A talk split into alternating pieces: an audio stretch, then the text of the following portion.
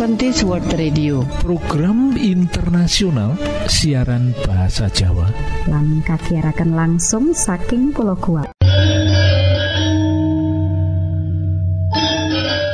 Para sederek monggo monggo. Sugeng mirengaken program pertama inggih menika ruang motivasi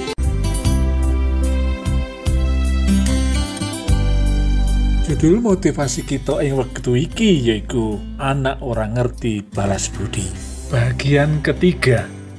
Sing dadi pertanyaan yaiku apa sebabnya ono anak sing ora eling marang kebenciane wong tua.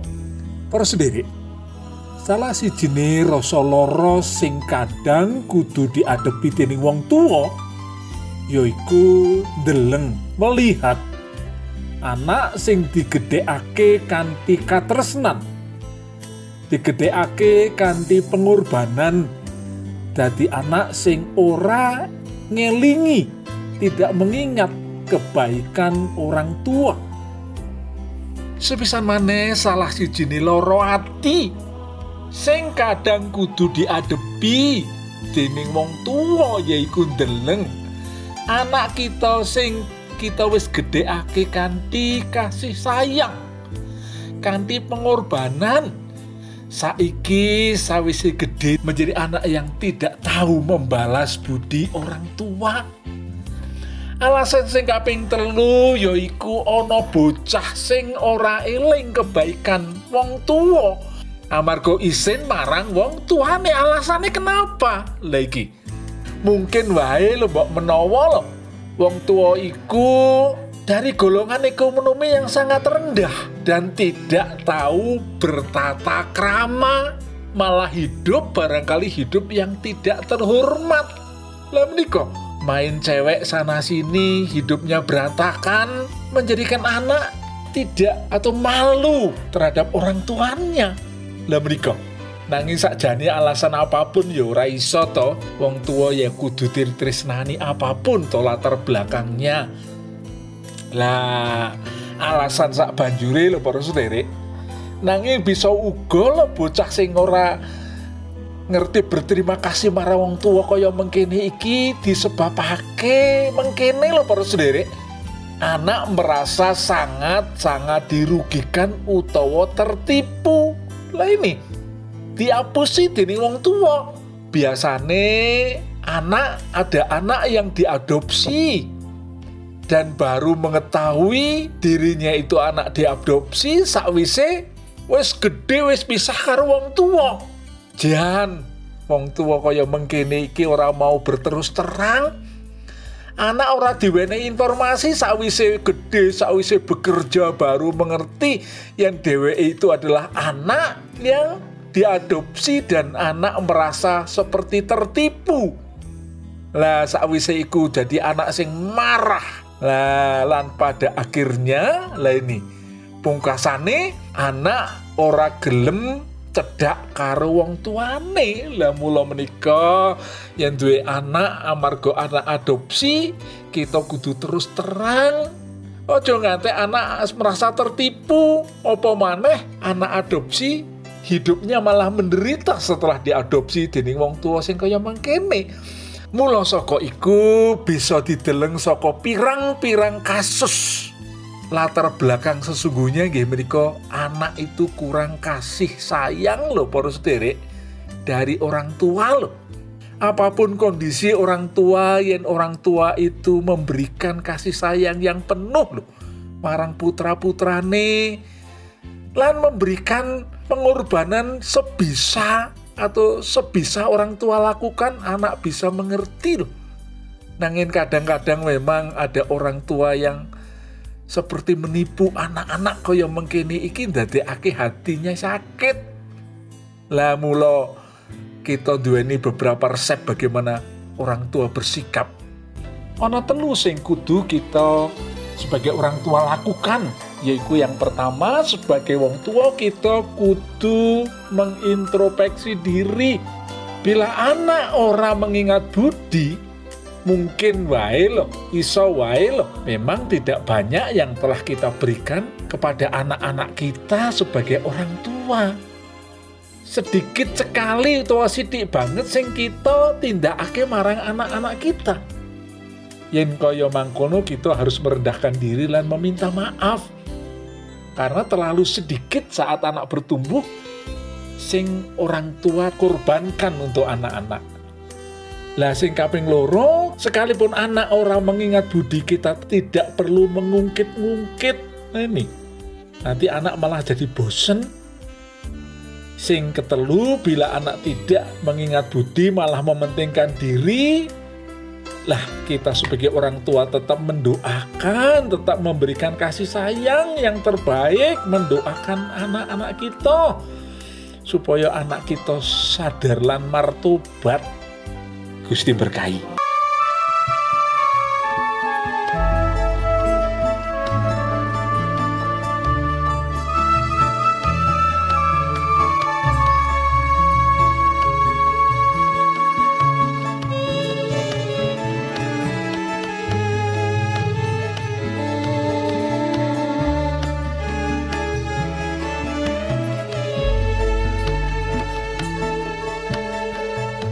hiền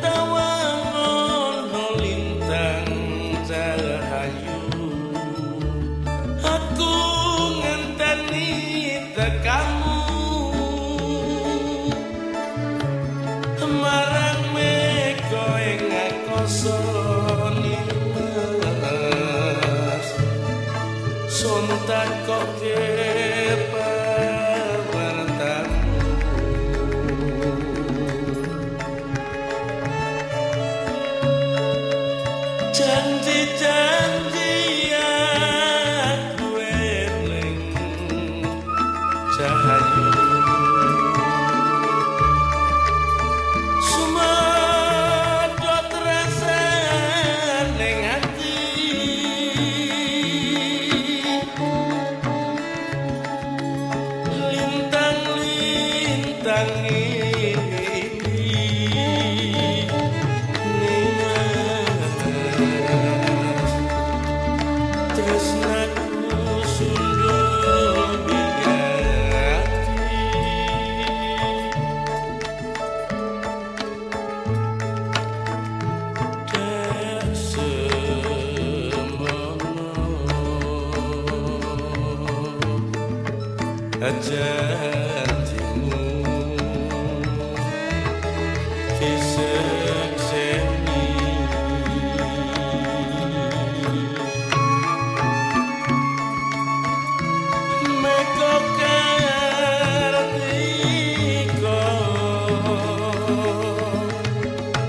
Yeah.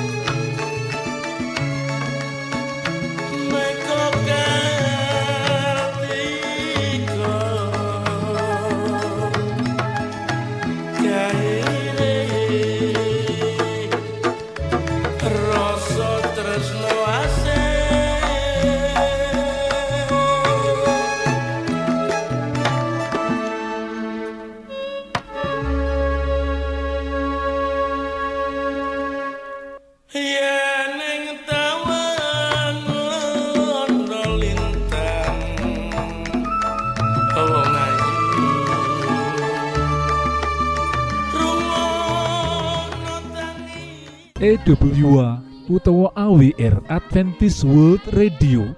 Program internasional ing Basa Jawa. Disiharke langsung saka Pulau Guam ing satengah-tengahing Samudra Pasifik. Para sederek monggo monggo. Sugeng mirengaken program kedua menika Ruang Kesehatan. Salam sehat Gusti berkahi. Sasuwene iki ilat buaya utawa lidah buaya mung dikenal minangka obat wasir utawa ambeien lho.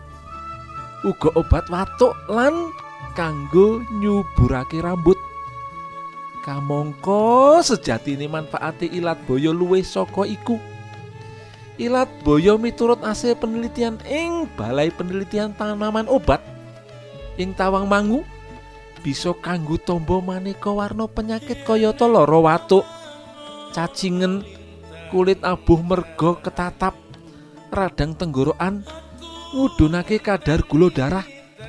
Dadi ilat boyo kena kanggo obat diabetes uga lho. Penelitian sing wis ditindakake Balai Penelitian Tanaman Obat. Lidah buaya ngandut wolulas jenis asam amino. Wah, wah, wah, akeh banget toh. Ngandut ngandut uga karbohidrat, vitamin lan mineral. Uga ngandut zat antibiotik, anti kanker, anti jamur, antivirus, anti infeksi, anti radang, anti bakteri, antiseptik. Saliyane kuwi ilat boyo utawa lidah boyo ngandung vitamin C, ngandung vitamin E, lan ngandung seng dadi lidah buaya ngandung antioksidan kang cukup para sederek. Mergo kandungan zat-zat sing akeh mau ilat boyo ora mung kanggo obat nanging uga kanggo njaga kesarasane awak. Kanggo namengi awak saka sawetara penyakit. Antioksidan uga marakake awak tetep sehat ora gelis tuwa lan ngawekani serangan jantung.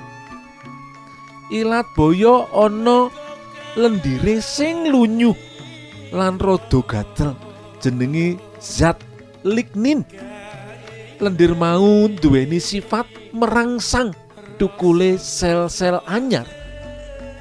Mula bisa ngganti sel-sel kulit sing rusak. Marakake kulit alus ora garing lan ora gampang kisut. Dadi kena kanggo gantine pelembab kulit lan marakake awet enom. Saliyane kuwi lignin utawa lignin mau bisa membantu pencernaan luwih lancar. Mula becik kanggo wong sing kerep bebelen utawa sing kerep sembelit lan sing duwe penyakit ambeien wong sing bebelen lan gerah ambeien yen dahar ilat boyo utawa lidah buaya. Saben dina ambeyene iso kempes lho. Miturut penelitian ahli herbal kang pungkasan ilat boyo utawa lidah buaya bisa ngudunake kadar gula darah kang dhuwur lho. Jroning 10 dina dahar ilat boyo dijamin kadar gula darah mudhun nanging iki mung kanggo diabetes sing durung gumantung insulin. Mengkono jaminane para ahli herbal. Pancen umume wong ora seneng ilat boyo mergo lendire sing rada gatel mau.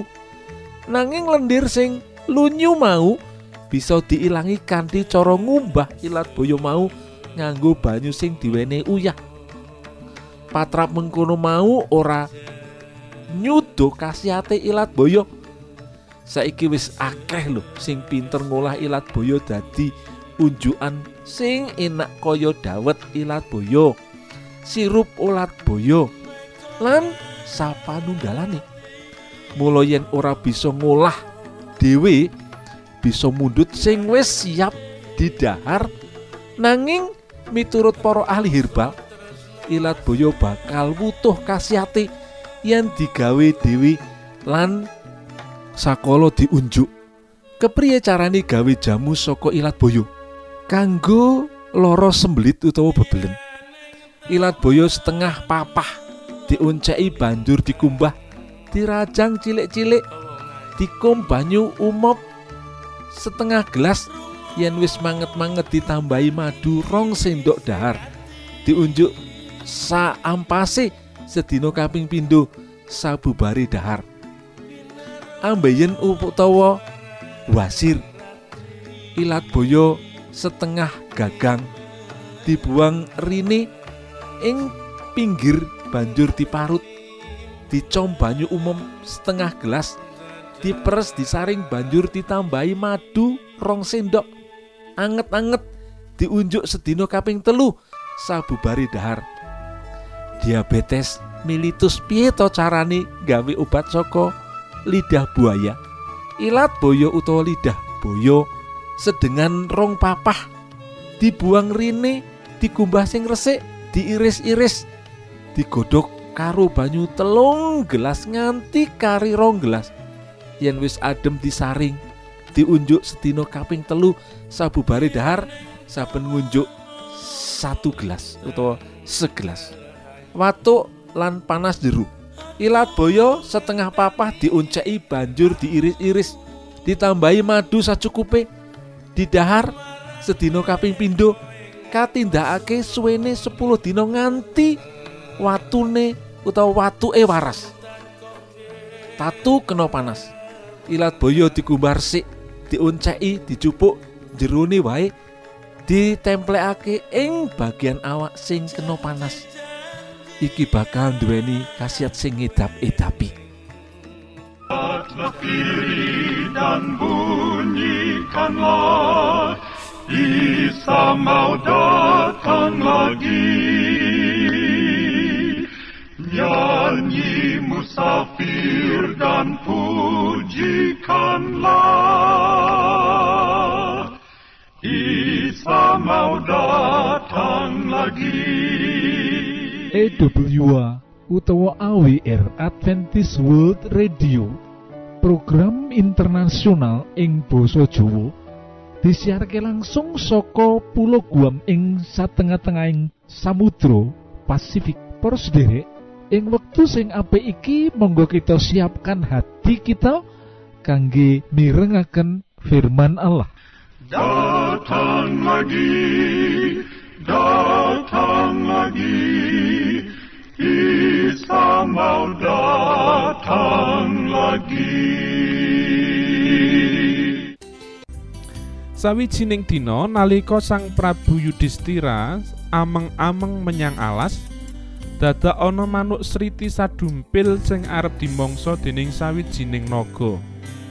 Manohi kahanan kaya ngono, nata ngamarta kang yekti sugih welas lan asih marang sapepadaning tumitah mau rumangsa ora tegel.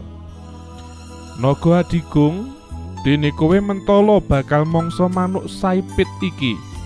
Apa to lupute? Pitakone Sang Prabu marang Sinaga. Prabu Puntadewa, aja nyaruwuwus melu-melu urusan kang dudu urusanmu. Yekti dudu urusanku nanging nyelametake sarta ngayomi uripe sapepadaning tumitah iku dadi kewajibanku. Minangka jejering ratu aku duwe Mas Picis Raja Brana. Mula culna manuk kuwi. Prabu Puntadewa, aja sesongaran kowe. Najan wujudku naga, aku iki ratu kang binatara. Mula aja pamer kasugihan ing ngarepku. Apa maneh kowe uga sawijining raja? Mestine kowe uga hambek welas asih marang sesamining tumitah. Ning kowe ora lan malah dak sia marang titah kang tanpa daya. He Prabu Puntadewa. Tinimbang kowe dadi pepalangku, aku rila ngeculake manuk iki sauger kowe gelem ngijoli. Oh ngono. Lah mbok iya, aran ana bae apa kang kok pilih dadi ijoli manuk iki? Tenan kowe rila Puntadewa sabda pandhita ratu mulake enggal sebutno aku mung jaluk lirune dagingmu kang bobote padha karo manuk iki. Becik iki irisen daginge wentisku kang sabobot karo bobote manuk ing timbangan kang wis sumadyo sisih kiwa manuk sriti ndekem. Ing sisih tengen isi daging kang diiris saka wetise Puntadewa nanging nyatane bobote manuk sriti tansah luwih abot timbangane jumplang mangisor.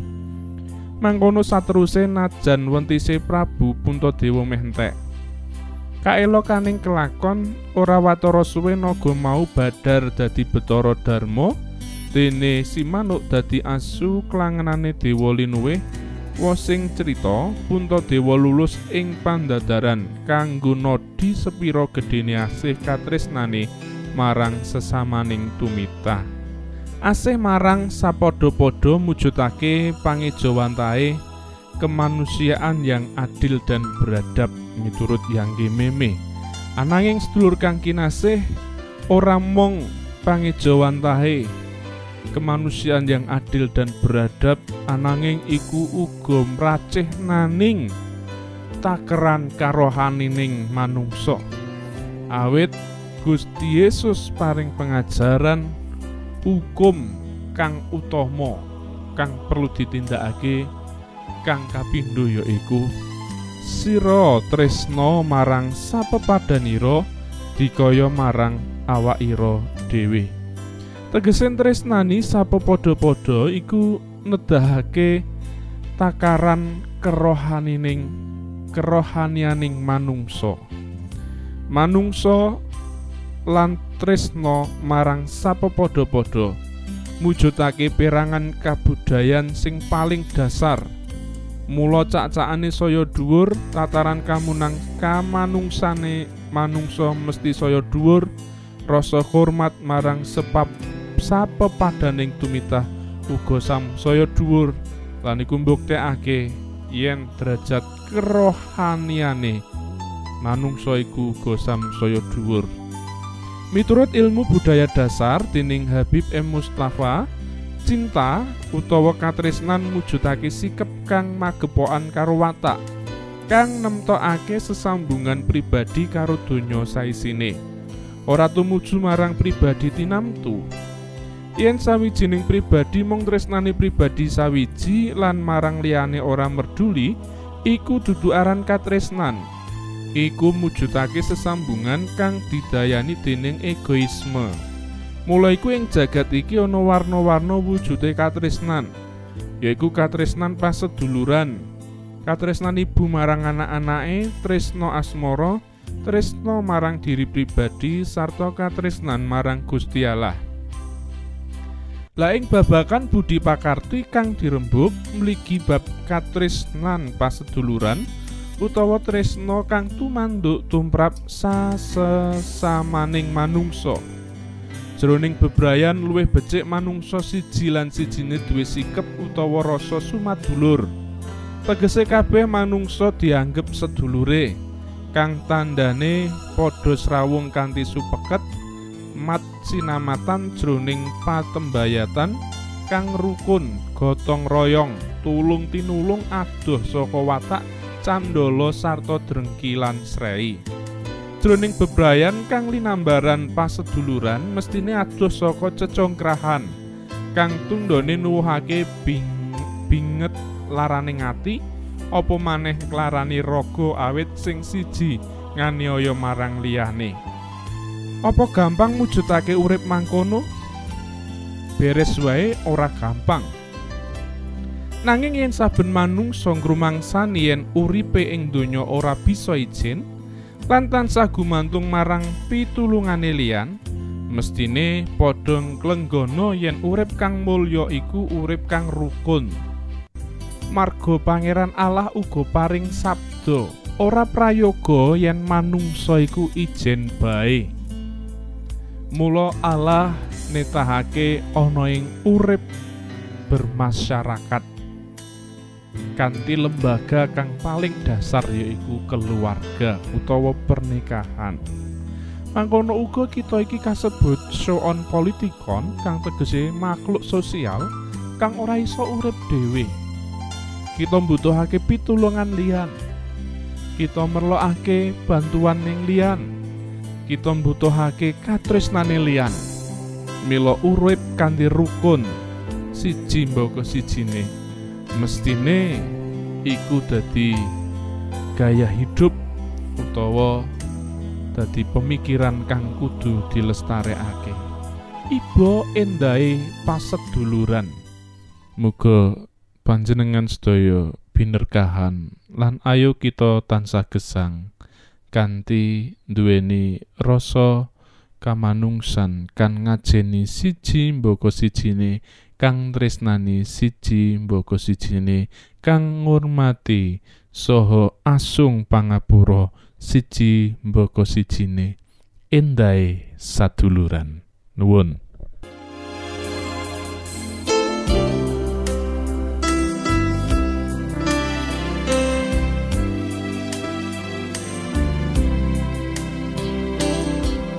Sutresno ingkang kinaji kula aturaken mbanuwun sanget.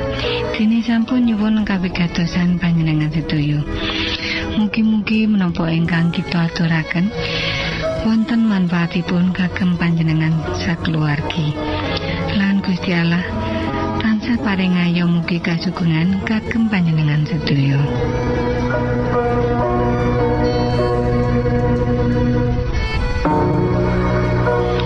Kita ingkang tugas jagi wonten studio nyuwun pamit badhe mundur.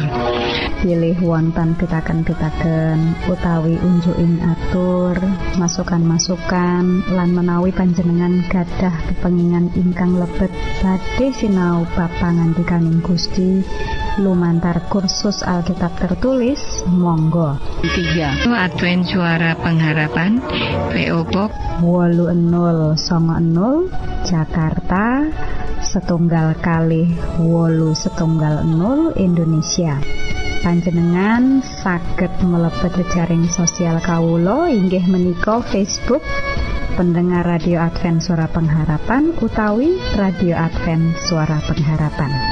Saran-saran pitaken ugi tanggapan panjenengan tansah kawula tenggo. Lan saking studio kula ngaturaken bumi panuwun